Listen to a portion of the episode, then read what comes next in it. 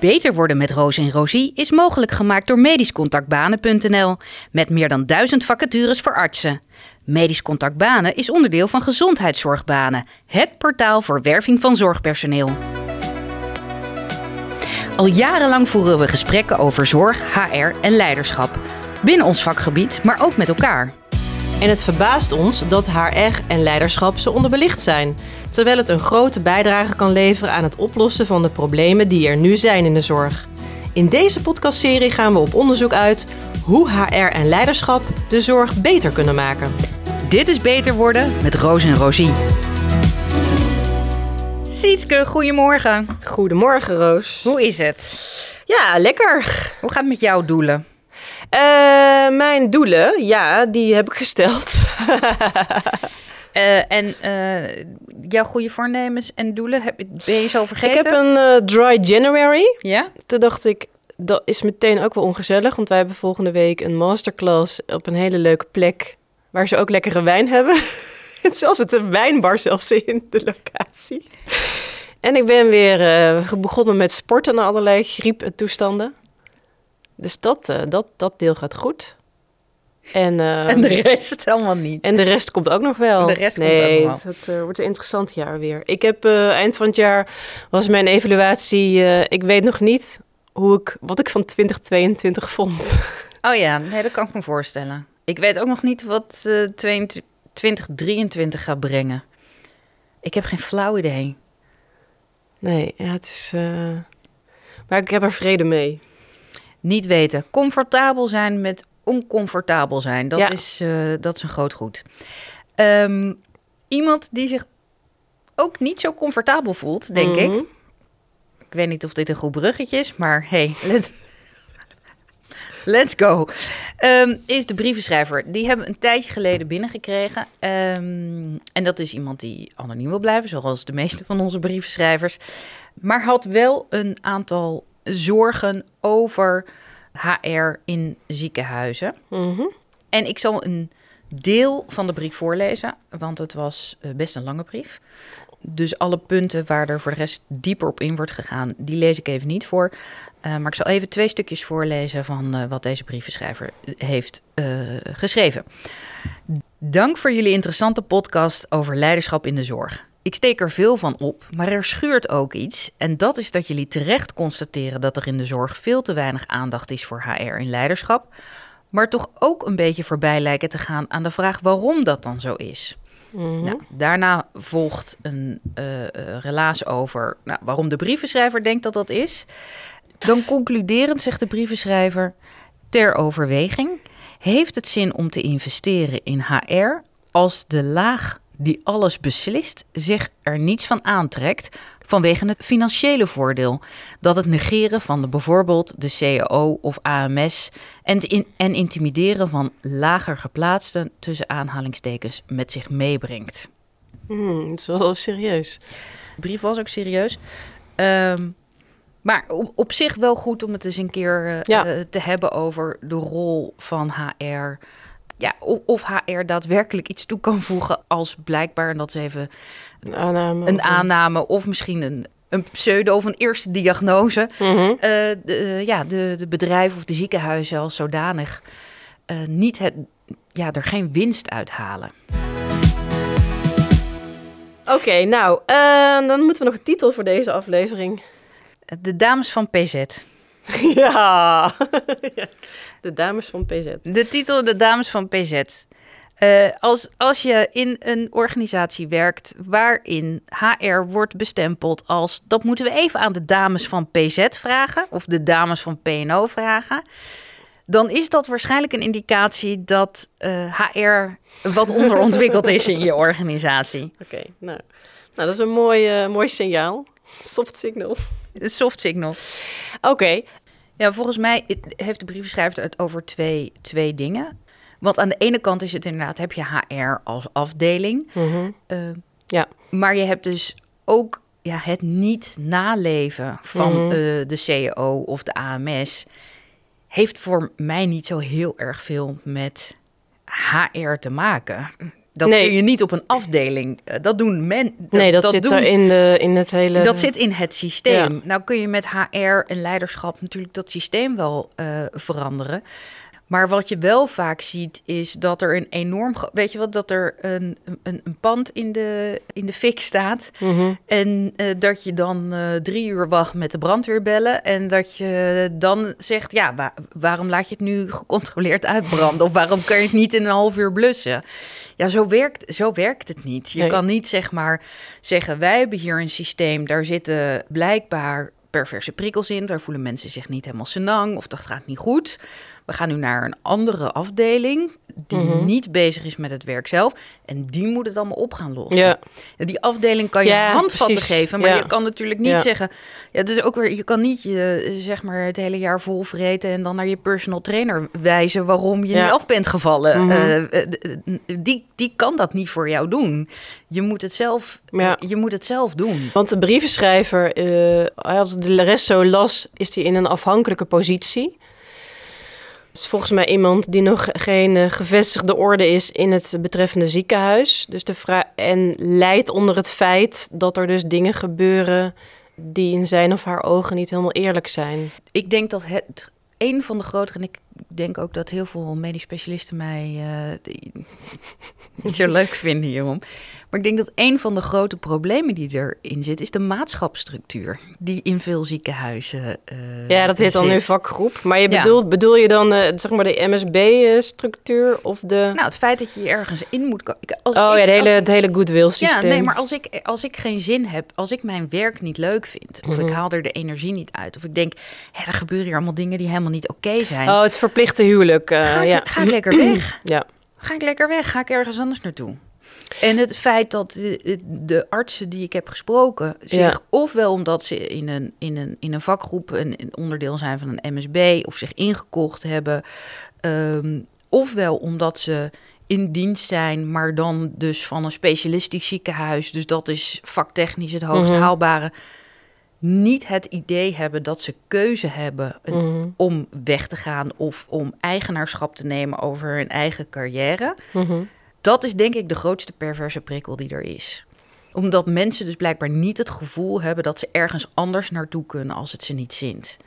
En waarom zou Ja, de je- waarom- perverse prikkel om te blijven. ja. Ja, maar waarom zou je dan veranderen? Ja dat ook. Als je dus genoegen neemt. Nee, da- ja, daar zit een hele grote frustratie van mij inderdaad. En daar bedoel ja. ik mee, waarom zou je veranderen als instituut, hè? Dus ehm, ja, ja, ja. als, als iedereen toch werkt en iedereen ja zegt tegen een contract van 46 uur per week, als dat fulltime eh, is, maar niemand eh, houdt die ballen helemaal goed in de lucht. hebt- ja. Ja, ja, en dan heb je ook nog een ingewikkelde structuur. Want we, we weten dat deze persoon in een ziekenhuis werkt... waar inderdaad een MSB is en, daar, en vakgroepen... en daarnaast ook specialisten in loondienst. Ja. Maar je hebt eh, daarbinnen natuurlijk hele structuren. Als we het dan over HR gaan hebben... dan heb je natuurlijk HR en, eh, van het ziekenhuis. Maar je hebt ook een MSB die vaak geen eigen HR heeft... Dus dat Ja. wordt dan, krijg je allerlei detacheringsconstructies tussen ziekenhuis en MSB. Eh, maar die MSB die moet zich natuurlijk wel houden voor de artsassistenten die weer onder het ziekenhuis vallen, of hoe dat ook geregeld is, aan die eh, CAO. Wat je natuurlijk ook ziet, is dat mensen in afhankelijke positie zitten en denken: ja, ik ga maar niet zeggen dat de overuren niet ge- genoteerd worden van mij als ANIOS. Want ik heb een plek en ik ben er blij dat ik een plek heb, want meerdere mensen willen de plek die ik nu heb. ja. Ja, en over perverse prikkels gesproken. Ja, dan, eh, dan, dan kom je als HR nooit te weten. Dat die, dat die overuren nooit gedingest worden. eh, Eh, dat is dus al, dat is een beetje, nou, een beetje mee waar het bij mij altijd een beetje schuurt. Dus dat ik denk van ja, ik kan een hele trucendoos open trekken, Mhm. maar als mensen er niet op zitten te wachten, ja, of er niet om komen vragen. Of er niet om komen Ja. vragen. Of tegen je zeggen: Ik wil wel zeggen wat er allemaal niet klopt, maar je mag er niks mee doen. Ja, ja, Oh, ja. nee, ik ben niet je, ik ben niet je psycholoog. Eh, ik ben niet je partner. Eh, als jij iets tegen mij zegt waar ik vanuit mijn vakgebied iets mee moet Mhm. doen. In het belang van de organisatie. Ja, of in het belang van eh, mensen. Of in de. Ja, tot aan shareholders aan toe. dat. Ja. Ja, dan moet ik daar gewoon wat mee doen. ja. Dus dat is, dat is daar, daar zit natuurlijk wel. Dus enerzijds inderdaad het gewoon moraal en het integer zijn van het naleven van eh, CAO op de, tot aan de werkvloer aan toe, hè, letterlijk. tot aan ja, maar- hoe, hoe organiseer je een bedrijf. Ook. Precies, maar dat kan zijn, oké, de CEO wordt niet nageleefd. Maar dat kan dus ook zijn van, eh, er werken alleen maar ontzettende hufters en eh, ik voel me niet lekker. Mhm. Tot aan eh, m- mijn promotiepad wordt eh, geblokkeerd of Mhm. ik wil eigenlijk weg, maar ik heb niet gevoel dat, dat het kan. En wat je dus ziet is, de cijfers zeggen Mhm. genoeg. Mhm. Namelijk dat, wat is het? 1 op de drie ANIOS'en of jonge, jonge dokters met burn-out Ja, die brandbrief zitten. die overheen is door jonge specialist. Plus inderdaad dat er heel veel ANIOS vacatures, hè, daar hebben we, daar gaan we het ook nog een keer over hebben, over hoe die vacatures er dan uitzien. Dat er gewoon heel veel ANIOS vacatures niet vervuld worden momenteel. En, dat is, en, en een van de uitvloeisels weer van een niet zo goede werksfeer zit niet alleen bij de medisch specialisten, maar dus ook op de lagen daarnaast en daaronder. Dus ehm, de vreselijk grote uitstroom van verpleegkundigen, Mhm. eh, het, het tekort van mensen nu in ziekenhuizen. eh, terwijl de druk op de zorg alleen maar groter wordt. Dus het piept, iedereen zegt ja, het piept en het kraakt. En het enige wat gezegd wordt, ja, er moet meer geld tegenaan. Terwijl ook in de commissie Terpstra eh, is gezegd van... Mhm. Het instroom is niet zozeer het probleem, maar Nee, de enorme nee, die, eh, uitstroom is het probleem. Nee, de, met de instroom gaat het ook, eh, ook wel goed. Ja. Dus binnen in die machine, er gaat iets in... Mhm. En binnen in die machine gebeurt iets waardoor mensen binnen een jaar of drie jaar alweer naar buiten rennen. Mhm. Ja, dan, dan, dan, dan moet je toch eens even in je eigen machine gaan kijken. En ook eerlijk zijn. En niet alleen maar denken van jezelf. Maar oh, dan moet HR gewoon ook een grotere of in ieder geval ook een andere rol krijgen. En dan eh, is het natuurlijk zo, ja, we hebben het natuurlijk vaker over gehad dat HR vaak nog PNO of PZ wordt genoemd. En inderdaad heel i- instrumenteel wordt ingezet. eh, in de zin van letterlijk administratie. Maar dan moet het misschien zelfs HR meer een soort van business partner, strategie, eh, een andere rol ook krijgen in zorgorganisaties. Ja, en maar dat betekent ook dat mensen eh, HR die rol moeten geven. Ja. En eh, we hebben het natuurlijk gehad over. We hebben het veel over leiderschap. En je hebt natuurlijk ook het competentiemodel van leiderschap in de zorg. Ja. Dat gaat over drie componenten. Dat gaat over ik, dat gaat over de ander en dat gaat over context. En het begint bij ik. Het begint bij persoonlijk leiderschap. En dat begint met hoe goed ken ik mijzelf? Mhm.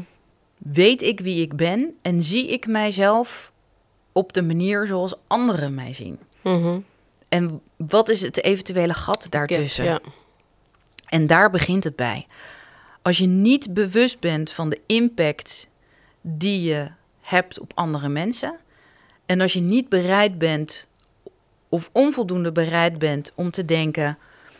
Iemand heeft een andere mening, iemand heeft een andere achtergrond. Maar laat ik eens. Wat, wat- samen komen we tot het beste resultaat. Mhm.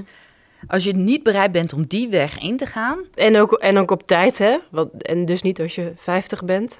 Het is niet te laat als je 50 Nee, nee, bent. nee, nee, nee. nee. Maar- Maar, je- maar- ja, het is natuurlijk lastig. Je ziet natuurlijk mensen van 50 plus en dan denk je, oei, die is nog nooit gecorrigeerd, zeg maar. Want je had het net over de hufters. Ja, maar ik zie ook mensen van 50 of van 40 of van 30 waarvan ik denk, oh, in de kroeg zijn dat hele leuke mensen. Op het hockeyveld zijn het hele leuke Papa's en mama's. papa's en Ja. mama's.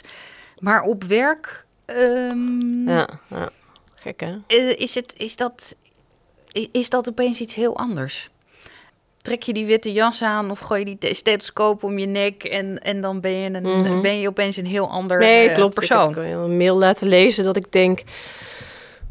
Wat, wat, wat, zit hier voor gedragsstoornis achter? Hè? Terwijl die mensen dan, eh, dat patiënten ermee weglopen... maar dat ze niet weten hoe ze met collega's moeten communiceren. Nou ja. Of gewoon, ja, dat... Ja. Nou ja, een beetje. Niet. En dan krijg je een beetje Matthijs van Nieuwkerk gedrag. van, Ja. ja, ehm, Ga jij eens op je knieën, meneer de, het, cameraman, dit is, het is meneer, eh, meneer eh, van Nieuwkerk voor jou. Terwijl, ik bedoel, deze man volgens mij hartstikke veel eh, leuke vrienden heeft. En je prima een biertje kan drinken met deze man. Dus wat gebeurt er dan? Waardoor je iemand in een andere context plaatst en iemand heel erg anders Ja. eh, wordt. Nou, dan wordt er gezegd dat heel erg met macht en tegenmacht eh, eh, te maken. Vind ik redelijk grote woorden. Maar één ding is wel dat als je dus niemand naast je hebt staan en daar speelt HR. Tegenspraak organiseren. Nou ja, ja. Of, of ruggespraak, maar in ieder geval een, en daar kan HR dus Mhm. een hele belangrijke rol Ja. in, spreek, in spelen, die dus zegt, hey, heb je het al vanaf op die manier geprobeerd? Of hey, zo, wat, wat je net zei, dat is niet zo effectief. Niet vanuit een wijzend vingertje, maar om het beter Ja, eh, maar dat moet eh, dus inderdaad maken. georganiseerd worden. En dat moet dan een soort van gemeengoed zijn en worden. En misschien daar waar dat wel normaal is in het bedrijfsleven of andere sectoren, is dat dus blijkbaar nog niet overal eh, gebruikelijk in de zorg. Is ook misschien een soort onwetendheid. Ja, en, en deze brievenschrijver had het natuurlijk over dat het financieel niet waard is. Of dat het. Dat Ja, het is ongunstig om de CAO na te leven, financieel gezien. Terwijl ik denk dat als je het allemaal, allemaal uit gaat rekenen van wat je mensen betaalt als ze met een burn-out Ja. uitvallen. Mhm. Als je kijkt hoeveel het kost om iemand die weggaat te vervangen Ja. in plaats van een huidige persoon Ja, te behouden. ontslagvergoedingen, ja. Eh, ziekteverzuim. Hoe hard je moet werken om nieuwe mensen binnen te krijgen. Om dan Ja. mensen te zeggen, zak Ja. er maar in, ik ga niet in Ja. de zorg eh, werken. Ik heb eh, vervelende eh, collega's en ik heb patiënten die steeds mondiger worden. En eh, Mhm. S'avonds moet iemand achter glas zitten omdat, op de eerste hulp, omdat je alleen maar met agressie te maken hebt. Ja. Dan, dan vraag ik me af of het werk leuker maken nou zoveel extra kost. ja. Dus het is, oké, zijn wij als vakgroep bereid of als MSB bereid om een, allemaal een klein deel in te leveren? Om op de lange termijn iets beter te worden en het leuker te hebben. Ja. Is er ook nog ergens een angst om toe te geven dat het eigenlijk... eh wat we hebben natuurlijk een tijd geleden... durven niemand te zeggen dat ze wel eens naar een coach waren geweest of gingen. Is, het, is dit ook iets waarvan mensen denken... we durven eigenlijk niet toe te geven... of vinden het lastig om aan te geven... we hebben eigenlijk een HR-expert nodig binnen onze... Ja, noem toch maar weer even het MSB als structuur. Een Mm. soort van, ja, maar ik wil het eigenlijk zelf kunnen. Want ik kreeg ook een vraag van iemand van... eh, ja, kan ik een soort van how to do workshop krijgen hoe ik voor de ZBC eh, de HR doe als medisch specialist. Toen dacht ik, nou, dat lijkt me toch een vak apart. Ik denk, ik denk, daar zit misschien wel wat in dat er een, een onderschatting is van hoe moeilijk kan het zijn. Ja, En het is ook niet moeilijk, maar Ja. wel ingewikkeld. ja. Ja, plus een overschatting van dat kan ik wel. Ja. Er wordt ook heel veel verondersteld dat je dat kunt, hè? Het moment dat je inderdaad die witte jas aantrekt. En je Ik- kan ook, wel, hè, dat is het bedoel. Maar er zijn, daar zitten ook wel beperkingen aan. Plus, dan moet je ook jezelf weer kennen van wat kan ik wel en wanneer moet ik aan de bel trekken van wat kan ik niet. Ja, of wat, of wat kan ik eventueel wel, maar vind ik gewoon niet zo leuk. En ik denk dat voor een heel groot gedeelte, en dat heb ik al vaker gezegd, artsen alle tools in handen hebben om dat heel goed te doen. Want Ja. je bent dagelijks met mensen bezig, je bent geïnteresseerd, je bent eh, nieuwsgierig. Dus je vindt het leuk om je een beetje met eh, nou, complexe puzzels eh, bezig eh, te Ja. houden. Nou, ja, maar dat mensen, ja. mensen zijn redelijk complexe puzzels.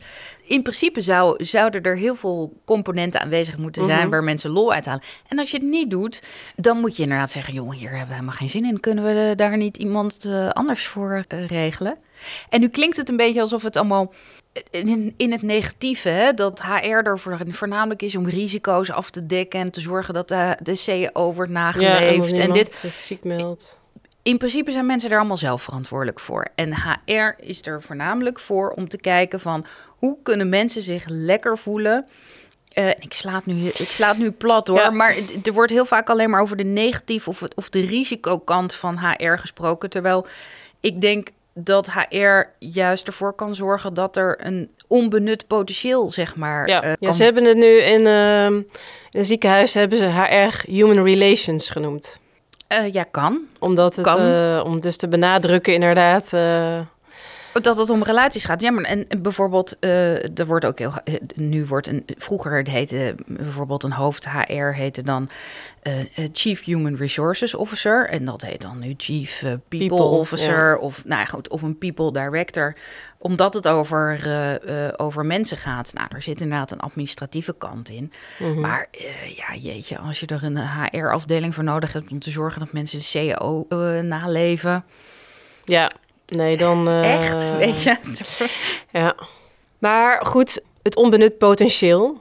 Ja. Ik zit even te denken aan mijn ervaringen in meerdere ziekenhuizen. Ik heb niet het idee dat HR ooit op zoek ging naar mijn onbenut potentieel of naar het onbenut potentieel op onze afdeling. Ik kwam alleen maar HR tegen als ik daar aan het begin of het eind van mijn contract, zeg maar. Ja, nou, dat, kan, dat kan met twee dingen te maken hebben. Of een, of een combinatie. nou, Eén is HR wordt buiten de loop gehouden. Ja. Twee, HR is niet in staat om die plaats in te nemen in Ja. de organisatie. Ja, ik, ik vind dat lastig om te oordelen. Maar je ziet dat over het algemeen heeft HR eh, een aantal rollen in een organisatie. Je hebt allerlei modellen over wat HR zou moeten doen. En eigenlijk, zoals ze dat dan zeggen, zijn er drie componenten. De administratieve tak of de operationele tak. De business partner tak. En de, nou ja, zoals ze dat noemen, center of expertise. Maar de, de expertise tak. De operationele tak zorgt voor je jaarlijkse cyclus. Mhm, ja. En dat betekent dus mensen worden aangenomen, je krijgt een salaris, je eh, zorgt ervoor dat bepaalde dingen in een systeem staan, je personeelsdossiers op orde. Mhm, Een beetje de backbone of De, zo. ja, de backbone of ook wel de back-office, zoals dat genoemd, genoemd wordt. Steeds meer van die dingen worden eh, geautomatiseerd. Mhm. Dan heb je de business partner tak. En dat betekent dat je in hen- het team gaat kijken van hoe zorgen we ervoor dat dit team nou beter gaat lopen. En dat hoeft helemaal niet van slecht naar beter te zijn. Dat kan ook van goed naar zeer goed, maar gewoon beter in zijn algemeenheid. Ervan uitgaande dat er altijd wat te verbeteren valt. Je kan altijd groeien. Mhm. Ehm, eh, en dat kan gaan over. Eh, goh, hoe zorgen we ervoor dat. Nou, jij, bent heel erg bezig met AI en radiologie. Hoe zorgen we ervoor dat AI nou echt een key competentie wordt binnen eh, onze vakgroep? Hoe zorgen we ervoor dat ehm, als wij een ZBC zijn, wij, aan eh, wij meer patiënten naar ons toe weten te trekken? Hoe zorgen we ervoor dat als wij dan zeggen dat we particuliere kliniek zijn, dat we meer servicegericht zijn, dat dat ook uitgedragen wordt in het gedrag van onze medewerkers. Dus dat is echt een Mhm. beetje business partner Ja. eh, eh, werk. Hoe zorgen we ervoor dat wij onderling eh, zo'n relatie hebben dat we op elkaar bouwen en dat we in flow komen en dat we een goede sfeer hier hebben. Nou, dat is business partner. En dan heb je de Center of Expertise en dat gaat heel erg over talent, ontwikkeling, eh, maar ook comp en ben. Dus die eh, specifieke Wat is dat laatste? eh, comp- compensation en benefits. Dus dat gaat over, Oh, ja. over beloning. Ja. Dus moeten we een Ja, voltijd... HR Benefits, daar heb ik een heel webinar laatst over. Een Amerikaans webinar. En toen dacht ik, ja, dit, dit bestaat niet in Nederland ongeveer. Want, bijvoorbeeld? Nou, je hebt natuurlijk sowieso dat hele eh, HR en benefits in Amerika is natuurlijk heel anders, omdat je ook al als je als werknemer in Amerika zit bijvoorbeeld al je hele zorgverzekering natuurlijk Ja. gekoppeld aan je. Dus nou ja, Ja. goed. Dus dat deel kan je al eh, uitgummen in Nederland. Ja. En zo er waren er wel meer dingen dat ik dacht van, oh ja, dat is niet eh, van toepassing in Nederland. Dus ik- Maar hoef je niet per definitie uit te, eh, uit te gummen. Want je hebt natuurlijk nu de zorgverzekering inderdaad. Die wordt geregeld door de werkgever bij de meeste werkgevers. Hè? Mhm. Want dat kost eh zo Ja, in de- in de 600, CS, 700, ja. ja, 600, 700 dollar per maand. Maar er wordt natuurlijk best wel veel benefits tegenwoordig gegeven... als eh, binnen, ook binnen Nederlandse bedrijven. Dus dat gaat erover.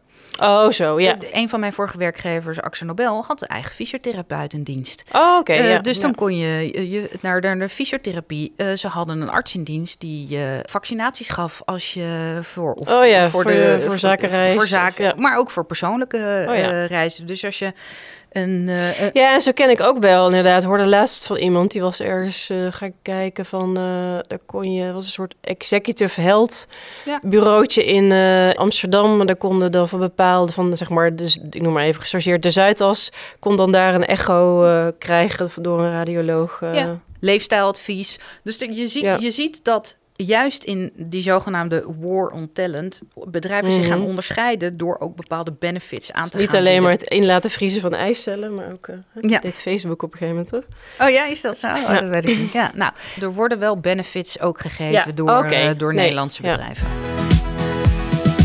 Maar dus die drie, hè? Nou ja, als ik heel eerlijk ben, ik hoor net die drie, eh, hoor ik jou zeggen. Ik, ik heb maar van een, met een van de drie ervaring. Dus de eerste dan. ja, die eerste, ja, want anders dan krijg je salaris niet. Nee, ja, dus, en sterker nog, ik weet dat jij inderdaad vanuit Chicago terug naar Nederland kwam en dan hier HR business partner werd bij een bedrijf. Toen dat ik echt dacht, eigen business partner, dat moest ik echt gaan googlen. Van, hè, dat je ook echt onderdeel bent van het MT. Uh, dat was voor mij echt helemaal een nieuw fenomeen. Uh, ondanks dat ik de Harvard Business Review uh, wel eens las en daar heel veel HR-artikelen in zag. En ja. dacht, hé, hey, dat vak is heel anders dan wat ik dacht. En inderdaad geen PNO. Dus misschien is het ook wel echt wel zo dat we dat gewoon niet weten en daarom niet inzetten. En het dus misschien alleen maar, als, als je alleen maar die ene tak dat is niet de meest gezellige tak natuurlijk, die operations en, en back-office. Dus misschien dat het daarom ook een verkeerd beeld is van HR. En dat misschien je niet iets ziet als wat heel veel, iets wat heel veel potentie is en ook onbe, onbenut potentieel naar boven haalt. En even terugkomend op onze brievenschrijver of schrijfster, dan denkt van dus het is ook een clubje die je soort van onwetend kan laten. En die dus ook niet actief op de vloer uh, letterlijk actief is. Ja, en ik denk dat uh, zoiets pas gaat vliegen. Dus het is, dat is het. Het is korte termijn. Als het zo is, dat er, als er een financiële prikkel is, om dat, niet, om dat niet te doen. Om niet te zeggen van we gaan kijken naar leiderschap en kijken hoe het er is. Dus als er een perverse financiële prikkel is, dan komt dat door een klein clubje mensen die daar vruchten van plukken. Nou, laat ik ervan uitgaan dat die vruchten er zijn alleen als je zelf aandeel hebt mhm. in wat er verdiend wordt. Als je gewoon in loondienst bent, Mhm. dan eh, heb je geen direct voordeel uit. Ja, maar ja. Ja, ik zit te denken inderdaad. Als we nou die andere twee gaan afpellen. Want je kan natuurlijk zeggen, je kan bij alle drie, zou je een... Even terug naar onze brievenschrijver. Als we nou deze drie componenten die Roos net uitlegt. Als we die nou van alle drie eens gaan kijken. Kan er bij alle drie een perverse prikkel zijn voor het onderdrukken van de rol van HR?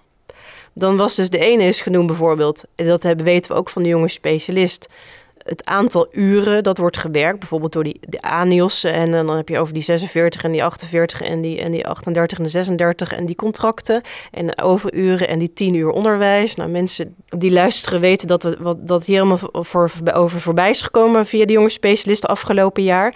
Daarvan kan je zeggen, hé, hey, daar zit misschien een financiële prikkel om daar niet helemaal achteraan te gaan. Want dat wil zeggen dat jouw artsassistenten minder mogen werken.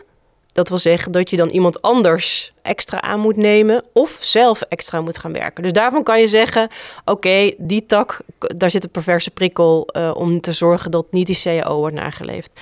En die andere twee, die kan je zeggen: ja, maar als mensen niet op zoek gaan actief naar talent en talentontwikkeling, hè, dat onbenut potentieel, kan je zeggen: ja, dat is, uh, dat is in loondienst niet zo. Nou, als je gaat kijken in academische ziekenhuizen, dan heb je natuurlijk professoren die afdelingshoofd zijn dat kan echt een wespennest zijn hoor, die hele wetenschappelijke wereld. En van uh, promovendi en hoeveel en, en uh, artikelen schrijven en waar publiceer je in. Dus ik, ik denk dat we op alle drie de componenten wel iets kunnen, redenen kunnen bedenken dat het niet uh, misschien niet actief, maar dan denken we wel heel zwart, denk ik. Want ik denk dus dat we dat positief moeten, moeten denken en kijken van wat kunnen we juist voor winst halen uit HR. Zeker nu alles piept en kraakt. Ik denk dat je voor alle drie wel iets kan bedenken van um, als zwart kijker van nou daar wordt expres HR tegengehouden. Ja, en dan is alsnog de vraag, gaat HR het dan oplossen? Ja, precies. Ja, dus één is uh, signaleren dat het zo is. Dan uh, kijken, oké, okay, maar we hebben dus hier HR. Die gaan we dus vervolgens een actieve rol geven. Dat moeten ze ook willen en toe in staat zijn trouwens. Mm -hmm. Je moet daar wel de juiste mensen voor ja, hebben. absoluut. Het kan best zijn dat je huidige HR-mensen daar niet de competentie voor hebben of, of geen behoefte aan hebben. Ja, ja. Dat kan misschien ook nog een verschil zijn tussen zorg en andere sectoren. En dan inderdaad hen die vrijheid geven. En de werkvloer komt dan in aanraking met een nieuw fenomeen. Hé, hey, er zit ineens een HR-iemand aan tafel bij onze sollicitatiegesprekken, ik noem maar even iets. Ja. Of bij onze voorgesprekken voor een nieuwe vacature. Of bij onze heidag wordt ineens gefaciliteerd. Of nou, noem maar iets op. Uh, dus dat is ook voor de hele organisatie een nieuw. Uh... Ja. kan dat nieuw zijn. Dat klopt. En ik denk dat dat, dat gaat altijd met horten en stoten. En ik snap ook dat het, dat het een moeilijke rol is, hè? omdat eh, mensen eh, denken van, nou ja, jeetje, ze zitten aan tafel en uh, met een beetje chef-stuurlui, om het zo maar te Ja. zeggen. Ze zitten aan de zijlijn en ze zeggen hoe het moet. Kritiek, als HR dan kritiek krijgt, en HR krijgt genoeg kritiek, dus wat dat is het vaak ook van, ja, ze staan aan de zijlijn en ze doen nooit wat en ze lossen het probleem eh, eh, niet op. En dan, zeg, en dan zeg ik, ja, dat klopt. Mhm. Eh, en dat is misschien een beetje een onbevredigend antwoord. Maar als mensen zelf niet willen, kan HR een probleem niet oplossen. Alleen wat HR wel kan doen, is oplossingen aandragen waar anderen mee aan de slag kunnen gaan. Mhm. Want wij zijn ook geen onderdeel van het probleem. Ja, je was de Haarlemmer olie. eh, Ja, chef Haarlemmer Olie. Eh, je kan 10.000 policies maken. eh, maar als mensen ervoor kiezen, om wat voor een reden dan ook, Mhm. om, om het niet te doen, dan gebeurt het niet. En dat is het lastige. En daar kan HR ook een rol in spelen. Van hoe zorg je er nou voor dat mensen het leuk vinden, dat, dat je mensen getriggerd krijgt in de positieve zin van het woord. Ik heb bij organisaties gewerkt en opdrachten gedaan waar mensen 80 uur per week werkten en, en er geen verloop was. En eh, mensen natuurlijk af en toe wel zeiden van ja, het is druk en eh, pff, ik weet even niet meer hoe ik dit moet doen. Maar er ontzettend veel mensen enorm veel bevrediging uit het werk haalden en, en, en uit, uit hun collega's. En het daardoor ontzettend leuk was. Ik heb bij organisaties gewerkt waarin ik eh, om vijf over half zes eh, iemand op zijn om de deur, zijn hoofd om de deur stak en zei: ehm, Je bent de laatste. Weet je hoe je af moet sluiten? En dan dacht ik, nou, ik weet niet hoe ik. Nou, oké, dan ga ik ook maar weg, want Mhm. ik weet niet hoe ik af moet sluiten. en iedereen alleen maar aan het eh, puffen en het kreunen was hoe zwaar het allemaal wel niet Mhm. eh, eh, was. Nee, dat klopt. En, Ik- ja, en alles wat daartussen zit, zeg ja, maar. En dat kunnen gewoon, ik bedoel, ik heb verschillende radiologieafdelingen gewerkt. En bij de een werd er dubbele geproduceerd dan op de andere afdeling. En toch al waren die ene harder aan het puffen dan, dan de andere. dat klopt. Ja. ja, dat is iets magisch. En, en dat is inderdaad, dat is iets magisch. En dat is toch het lastige Ja. van, zeg maar, als je HR goed wil doen. Dat magische is lastig uit te leggen. Dus dan de, organisatiecultuur, de, de- het water Ja. in de vissenkom, hè? Wat Ja. we niet zien, maar wat er wel is. Ja. En dat te beïnvloeden, dat, daar heb je allerlei modellen voor en je hebt er stappen voor. Maar er zit ook een deel in wat gewoon lastig uit te leggen valt. En wat lastig te kwantificeren valt, maar wat wel zo is. Wat ik hoop en wat een beetje mijn observatie is, nu ik een tijdje meedraai en vanaf de zijlijn mee mag kijken in de zorg, is dat er zoveel gave dingen gebeuren. Dat er zoveel gepassioneerde mensen eh, werken tot doel hebben en echt als levensdoel hebben om mensen te helpen, maar ook vaak een soort van hulpeloosheid hebben als het gaat om het oplossen van de eigen problemen. Ja.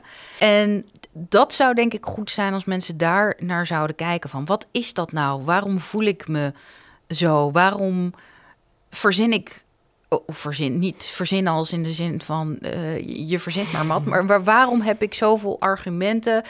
Oh, of waarom heb ik het idee dat ik dit niet kan veranderen? En wat, wat kan ik dan wel? Weet je, dat is een. eh, Ja. ehm, Ja. ja, wat ligt daar aan ten grondslag? En dan, nou ja. Ja, en wat kan, wat kan ik beïnvloeden? En als, als blijkt dat eh, je ongelukkig bent en je het niet kan beïn- beïnvloeden, ja, dan moet je jezelf de vraag stellen van, oké, dan is dit het misschien niet voor mij. ja. Je ziet dat in andere werkomgevingen waar ook heel veel druk is, voornamelijk op eh, jongere medewerkers en bij een, in een hiërarchische omgeving, dat daar ook dingen aan het veranderen zijn. Zo is er bijvoorbeeld bij Goldman Sachs, een investmentbank, eh, waar eh, jonge mensen in grote groepen worden aangenomen en daar heel erg een up or out mentaliteit heerst. Dus Mhm. mensen werken 100 uur per week om uiteindelijk promotie te kunnen Mhm. maken en er vallen er best wel veel af. En dat doen mensen omdat ze weten dat als ze eenmaal daar zitten, Ja. nou ja, dat lange initiatieritueel Ja, waar jij het ja. over had, dat als ze er eenmaal zitten, je echt een hele gave tussen aanhalingstaken, eh, aanhalingstekens baan eh, eh, hebt.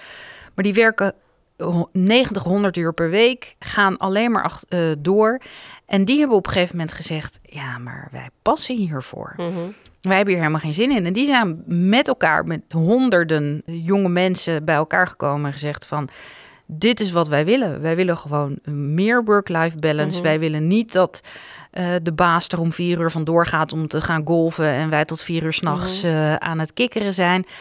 Dit is wat wij willen en, en zo willen wij eh, verder werken. Ja. En anders dan, eh, dan En dat niet. hebben ze als het ware naar buiten toe gebracht ook. Ja, precies. Dus, en, en het bedrijf heeft daarop gereageerd door, ja, door dat wel echt serieus te nemen en te zeggen van oké, daar gaan we, daar gaan we Ja. naar kijken. En we willen dat mensen zich eh, fijn eh, Ja, voelen. ze willen die talenten natuurlijk wel behouden. En blijkbaar is iets, is iets genormaliseerd, namelijk dat werken tot 90, 100 uur. Wat voor deze tijd niet meer... nou, of het genorma- acceptabel het- is. Ik denk dat het gedenormaliseerd is eigenlijk. Net zoals in, Ja. in de zorg Ja, het nu gedenormaliseerd gedenormaliseerd. Ja, is. natuurlijk. Die, die brandbrieven hè, waar we het al over hadden vanuit de jonge specialist naar inderdaad de besturen van organisaties en de beleidsorganisaties in Nederland en de politiek. En dat je dus ziet dat, eh, ja, dat vro- waar vroeger inderdaad een, een, een arts aan het werk was of een investmentbanker, vaak een man, eh, met thuis een gezin die dat Mhm. allemaal draaide, dat die wereld gewoon veranderd is. Dat er nu ook anders gekeken wordt naar, goh, hoe goed ben je eigenlijk in staat om eh, medische beslissingen te nemen eh, na, een Ja. na een dienst van 12 uur. Ik zat laatst zelfs van, eh, moet er niet een of ander AI-tool komen die een radioloog waarschuwt van, joh, je bent gewoon minder scherp aan het worden. Dat horen we aan je spraakherkenning, om maar iets te noemen. Of Bij, bijvoorbeeld, kijkt. ik, bedoel, ik heb op, bij bedrijven gewerkt waar, waar elke twee uur je computer gelokt werd. En Oh ja. dat je dan tien minuten iets anders moest gaan doen om even, even heb ik ook pauze te meegemaakt, maar dan gewoon omdat het paks eruit lag. Ja. Nee, maar dus, dus daar, ja, ja, daar is de wereld veranderd. Ja. En, en hoe ga je daarmee om? En, en Ja, precies. Want het is natuurlijk zo, dan eh, ja, zegt die chirurg dan, maar we werken hier gewoon totdat het werk af is. Terwijl je nu denkt, ja, maar ja, wie, wie gaat mijn kind dan eh, van de crash halen? Of wie zorgt ervoor dat ik dit volhoud tot mijn 68ste? Ja, of die, nou ja, de OVG-serie die nu uit is, waarbij een chirurg heel trots zit te vertellen dat hij dan tien uur niet naar de wc gaat. Weet je wel? Denk ja, nou, eh, bewonderenswaardig, maar ik weet niet of het nou iets is om echt Ik heb trots hem op. nog niet gezien. Ik heb wel veel gehoord over iemand die zegt dat er veel middelmatigheid is en zichzelf een 9,5 vindt. Het Dus is ik moet dezelfde, zeker- het is dezelfde persoon. Oh, oh ja, die ik ook niet. Nou, oké. Ja. Ehm, ja, nou, er is ook veel middelmatigheid. Maar die moet dus er is ook... ook- trouwens veel middelmatigheid in het leven, daarom is het een middelmaat. Weet je, er is niet voor niets een belcurve. Nee, weet je wel? precies. Ja. ja, maar mensen verwachten dat eh, zorgmedewerkers altijd 100% engaged zijn en 100% leveren en 100% kwa- Ik weet niet, daar zit een soort eh, eh, magische aura omheen waarvan ik altijd denk. Eh, ze denken dat wij geen normale mensen zijn of zo. Als je dus daar artsassistent bent, eh, dan eh, vinden ze daar dus normaal dat je tien uur niet naar de wc gaat. Dus dat is wel, lijkt me pittig. Ik wilde even resumeren. terugkomend op de klacht van onze mailschrijver of schrijfster. Oké, dus de klacht was dat HR onderontwikkeld was in zorginstellingen. Mhm.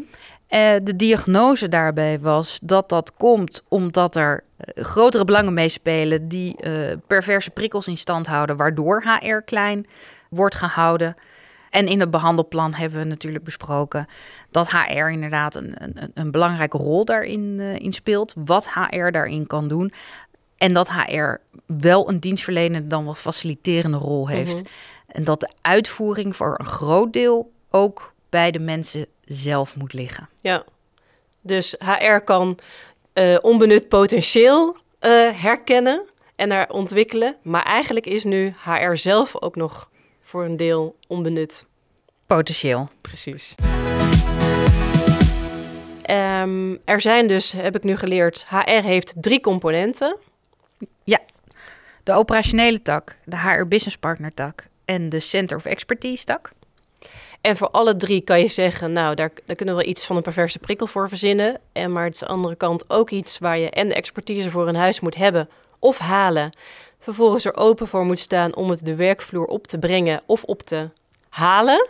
En het ook een ruimte moet geven en een kans. Eh, en dan is het onder de streep waarschijnlijk beter voor je organisatie om HR eh, goed te laten ontwikkelen dan om te zeggen, nou, eh, we doen alsof het eh, eh, alleen maar een administratieve rol heeft en we noteren de overuren niet. Ja, ja, dat klopt. En er zijn dus twee kanten. Eén is een, het voorkomen of het beperken van risico's. Dat is Mhm. een beetje de negatieve tak. Aan de andere kant, Ja. in, hoezeer, in hoeverre kan het je leven beter maken? En ik denk aan allebei de kanten kan HR een ontzettende grote bijdrage leveren aan het werkgeluk binnen de, binnen de zorg. Ja, dat is eigenlijk ook het beter kunnen maken wat wij in onze intro van onze podcast eh, elke keer zeggen. Absoluut, absoluut. Heb je Ja, vragen? heb je vragen? opmerkingen, feedback, stuur dan een mail naar info@roosenrosie.nl. Dat is en uitgeschreven en rosie met een z.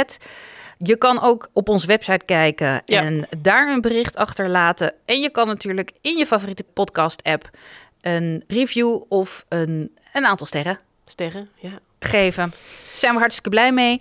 Ehm, voor nu, bedankt voor het luisteren en tot de volgende keer Dit was Beter Worden. met Roos en Rosie.